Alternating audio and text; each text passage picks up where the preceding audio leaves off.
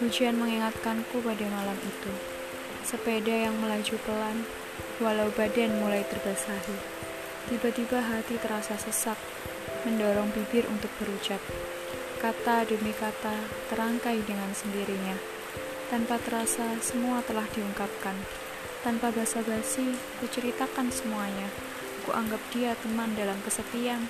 Kuanggap dia tempat ternyaman. Kuanggap dia selalu mendengar. Aku mengaku lemah di hadapannya. Aku mengaku tak sanggup tanpanya. Aku mengaku butuh pertolongannya.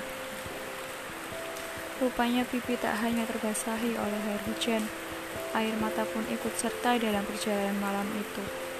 Karena terkadang aku lelah dengan semuanya.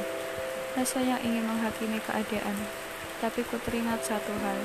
Aku pun banyak dosa kepadanya yang membuatku tak akan pernah pantas untuk membenci takdirnya, dan aku yakin dia tak akan meninggalkan.